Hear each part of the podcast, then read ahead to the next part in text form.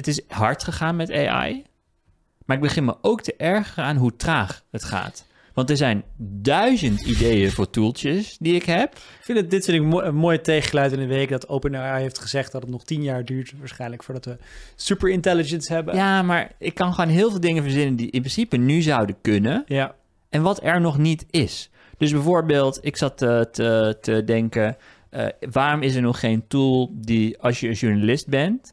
dat je eh, van je werkgever... eh, dat je bijna verplicht wordt om, eh, om hem door die tool te trekken... en dat dat ding contra-argumenten genereert. Zodat je een soort van laatste checklist kan doen op, op je artikelen. Nou, lijkt me grappig. ja, wat wij hadden moeten doen met onze eh, huuraankondiging. Je- Huuraankomst. ja. ja. precies. Ja, toen wij zeiden dat we deze toren zouden gaan. Ja, want je hebt dat met terugwerkende dat. kracht Ja. gedaan. En toen, toen voor ChatGPT... Misschien moeten we iets meer duiding geven. Wij wilden ruimte in, in onze mooie toren verhuren. En dit wij... heeft iedereen toch gewoon gelezen? op Nou, de weet ik Telegraaf? niet. Ja, maar niet iedereen... Telegraaf, Dacht je. godzijdank.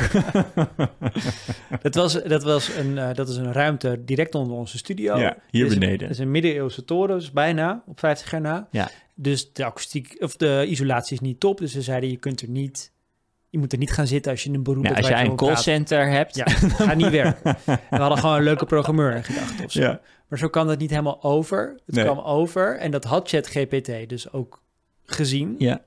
als mogelijk elitair. en het- daar is de Telegraaf mee gaan rennen. Ja. Maar dat heeft ChatGPT dus inderdaad... had dat kunnen helpen voorkomen. Maar bijvoorbeeld... Want jij hebt nog heel even het eh, duidelijk af te ronden. Een dag later in paniek aan ChatGPT gevraagd van wat vind je van dit? Ja, eh? de risico's van deze Ja, tekst. en toen rolde dat Ja. scenario, wat op dat moment zich live aan het afspelen Ja. was. Ja, echt ook tot in detail. Een soort Ja. van sociale media. Na een krant gaan sociale media ermee aan de haal. En zo ontstaat het idee dat. Ja, bla. Maar wat jij nu zegt is geen kwestie van het gaat te langzaam qua tools, want dit kan gewoon. Het gaat te, het- ik denk dat er, dat er gewoon een hele grote opdracht ligt voor de verbeelding van Ja. Maar dat valt me dus tegen. Want nu hebben we dus heel veel tooling. Of tenminste, de basis is er nu. Je kan. ehm, weet je, Eleven Labs maakt dat je stemmen kan genereren. Eh, er zijn allerlei tooltjes waardoor je je gezicht kan, eh weet het, kan laten bewegen. Dus op, op, op, is op allemaal basis van heel- spraak. In, intimiderend voor mensen. Ja, dat kan allemaal zijn. Ik of wil je niet komt er zeggen gewoon dat... niet op. Zoals dat- vandaag, ik zat Notion AI, dat daar... Ik zit de hele dag in Notion, maar ik merk dat ik die AI-functie te weinig gebruik.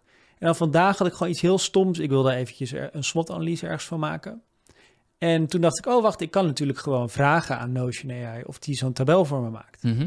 En dat deed hij daarna. Ja. En toen had ik hem helemaal ingevuld, dacht ik, ja, ik ga niet deze SWOT-analyse presenteren. Ik heb zo'n meeting en ik wil even de conclusie hier uitdelen. Toen zei ik, Mhm. nou, vat de SWOT-analyse voor me samen in één krachtige linia. Ja, ja, ja. Maar het zijn allemaal dingen die moet ik mezelf echt toe dwingen om erop te komen. En Ja. dan zit ik al in de tool met de integratie. Ja, snap ik wel. Laat staan als je die tools überhaupt nog nooit gebruikt hebt. Ja. Nee, dat is zeker waar. Maar als je, het is ook andersom. Als het dan eenmaal zover is dat je allerlei ideeën in je hoofd hebt, zoals, zoals ik, dan is het niet makkelijk om dingen te vinden waar dat daadwerkelijk mee kan. En dat, dat geldt, zeg maar, waarom moet ik nog steeds bellen naar Ziggo om een abonnement op te zeggen? Ik wil gewoon tegen zo'n AI zeggen, zeg het op. Ik haat bellen. Waarom moet ik bellen met Ziggo om een contract op te Er zeggen? is hiernaast, naast de studio is nog een opslaghok dat eh, leeg staat. Ja, Moet je niet gewoon een AI-lab beginnen? ja, die alleen maar dit voor mezelf maakt. Ja. Als ik, Ja, als een Ja. soort broedkamer voor spectaculaire ideeën. Dit is hoe de nieuwe bedrijven ontstaan. Dat iemand zijn eigen iets gaat scratchen. Ik heb dus een, een Notion van met allemaal ideetjes die ik heb. Mhm. Van gewoon dingetjes die ik ooit nog wil doen, of stukjes die ik wil schrijven, of weet ik veel. Gewoon random ideeën met nul samenhang. En dan wil ik dus eigenlijk dat op een, op een, op een moment dat ik ehm eventjes, eh, eventjes eh, op zoek ben naar inspiratie of niks te doen heb, of denk waar zal ik eens iets over doen, dat ik dan aan dat ding kan vragen: wat zijn de drie rode lijnen achter deze, achter deze, Dit kan denk ik deze idee? Ik kan het gaan Met zitten copy-pasten. Nee, je hebt Notion bot. Hmm. En daarmee, dat is een chatbot en die draait op je Notion. Ja, ja. En dan zou je, dus dan zou je kunnen zeggen op basis van deze database, vertel me wat de samenhang hierin is. Ja, precies. Ja. Maar ik begin dus behoefte te krijgen aan een soort van overkoepelende tools. Want dit is dan alleen een Notion. En ik weet dat ik alles naar ChatGPT zou kunnen plakken. Maar ik wil een soort van overkoepelend over al mijn notitiesystemen en mijn e-mail en mijn chatberichten. Ik wil gewoon dat hij dat. Ik wil dat hij dat begrijpt. En eh, wat staat daar nog in tussen droom en daad? Ik, alle technologie is er. En het is, het is als- alsof er... Weet je, Microsoft vind ik echt eh, ongelooflijk. De snelheid van executie waarmee ze het in Windows en in Office en oh, alles wat van Microsoft is, krijgt Want het heeft AI er was, korte tijd. Dat heb ik niet helemaal even surfjournalistiek. Ik, heb- er is iets gebeurd met Microsoft en Windows en AI weer Het afgelopen. beeld was afgelopen maandag, dus vorige week maandag. De, de grote conferentie, de jaarlijkse conferentie voor Microsoft. En daarin hebben ze gewoon wat Google doet met AI, AI, AI, AI, maar dan eh, een jaar verder dan Google. Oh ja. Dus in Windows, om maar een voorbeeld te noemen. Moet je voorstellen. ja.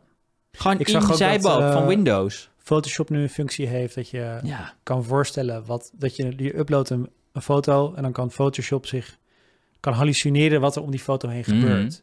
Dus wij sturen een foto in van ons samen op het strand en dan bedenkt hij daaromheen een mooi strand, een rotspartij. ja dus je kan outpainten, wat jij nu zegt. Ja. Zo, zo heet dat. Maar je kan ook delen selecteren en dan zeggen... doe een zonnebril op mijn hoofd. Of haal de zonnebril van mijn hoofd weg. Of haal Ja. de andere mensen van het strand weg.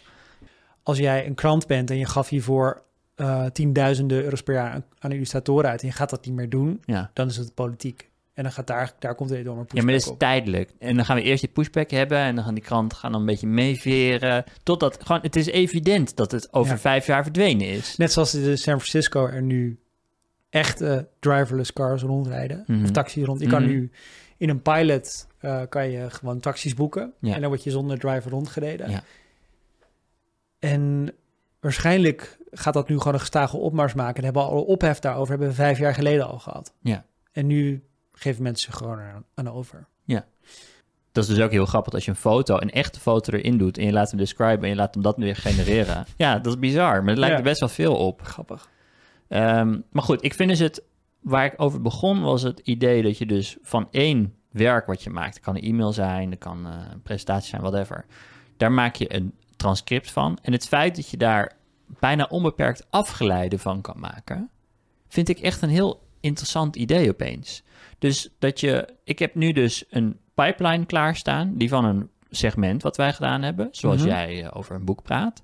Dat, daar, dat ik daar dan en een threadboy tweet storm thread van kan maken. En een ding voor mijn e-mail, een segment, precies de juiste lengte voor mijn nieuwsbrief. En met de juiste taal voor mijn nieuwsbrief. En eh, een bijschrijfsel voor een LinkedIn filmpje. En gewoon allemaal automatisch. En dan komt hij gewoon met voorstellen.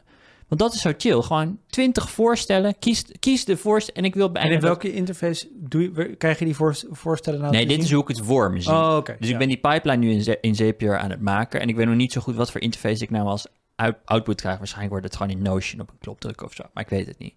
Eh, zo van deze moet het worden en dat hij hem dan pusht naar een bepaald kanaal. Weet, dat weet ik Mhm. nog niet. Maar het liefst, zo, zo zie ik het voor me dat ik, dat ik kan werken. En ik, en ik denk dat dat voor heel veel mensen die met informatie werken zo zal zijn.